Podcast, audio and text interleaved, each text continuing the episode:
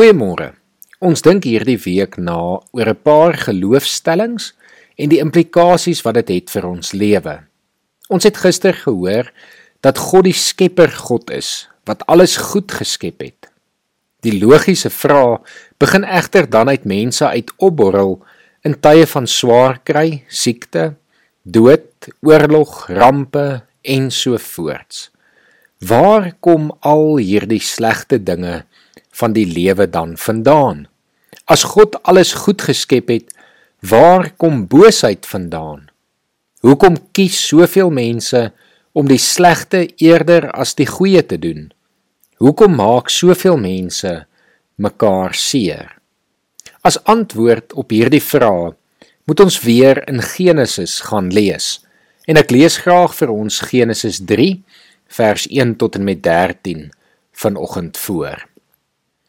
Die slang was listiger as al die wilde diere wat deur die Here God gemaak is en het vir die vrou gevra: "Het God werklik gesê Julle mag van geen boom in die tuin eet nie. Die vrou het die slang geantwoord: Ons mag eet van die vrugte van die bome in die tuin. God het net gesê ons mag nie eet van die vrugte van die boom in die middel van die tuin nie en ons mag dit nie aanraak nie want dan sterf ons. Toe sê die slang vir die vrou: Julle sal beslis nie sterf nie.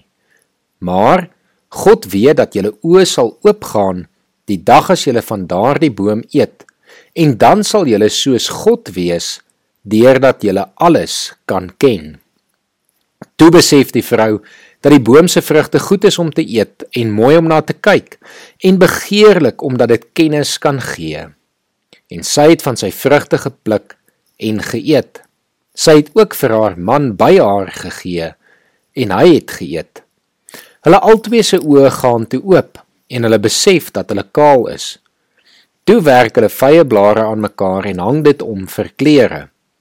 Hulle het gehoor hoe die Here God in die tuin wandel teen die tyd dat die aandwind opkom en die mens en sy vrou het vir die Here God weggekruip tussen die bome van die tuin. Maar die Here God het na die mens geroep en vir hom gevra: "Waar is jy?" En die mens antwoord: Ek het u hoor wandel in die tuin en ek het bang geword want ek is kaal. Toe het ek weggekruip. Die Here God vra toe: "Hoe het jy te wete gekom dat jy kaal is? Het jy tog nie van die boom geëet waarvan ek jou verbied het om te eet nie?" Die mens het geantwoord: "Die vrou wat u my gegee het om by my te staan, sy het vir my van die boom se vrugte gegee en ek het geëet." Toe vra die Here God vir die vrou: "Wat het jy nou gedoen?" En sy sê: "Die slang het my mislei en ek het geëet." Wat eet Adam en Eva? Ons lees in Genesis 2 vers 9 dat daar twee bome was in die middel van die tuin: die boom van lewe en die boom met die kennis oor goed en kwaad. Hulle eet van die boom van kennis En dit is waar boosheid in die lewe ingekom het. Die mens het die kennis gekry om kwaad te kan doen. Hoekom het God hulle enigsins die opsie gegee? Is dan 'n logiese vraag. Maar God is die God van liefde wat baie graag wou gehad het dat mense in 'n liefdesverhouding met hom sal staan. Maar 'n liefdesverhouding is net moontlik wanneer daar vrye wil is. 'n keuse om in die verhouding te wees of nie. As daar nie 'n keuse is nie, kan ware liefde nie bestaan nie.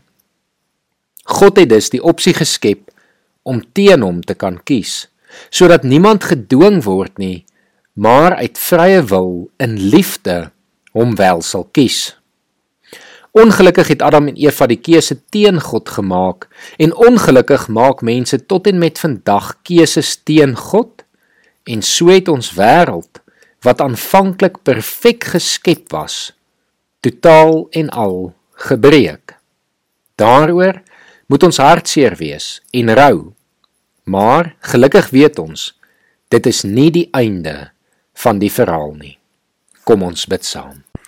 Here, dankie dat U vir ons vrye wil gegee het. Dat U ons so liefgehad het dat U vir ons die keuse wou gee om in 'n verhouding met U te staan of nie. Here, vanoggend wil ons weer daardie keuse maak en ons kies om in 'n verhouding met U te leef. Maar Here, ons is hartseer oor soveel mense wat teen U kies. En ons kom vra vanoggend dat U hulle sal aanraak deur die Gees, dat U ons sal gebruik om hulle oë te laat oopgaan en vir hulle te wys en te vertel dat daar 'n ander manier van doen is. Ek bid dit in Jesus se naam. Amen.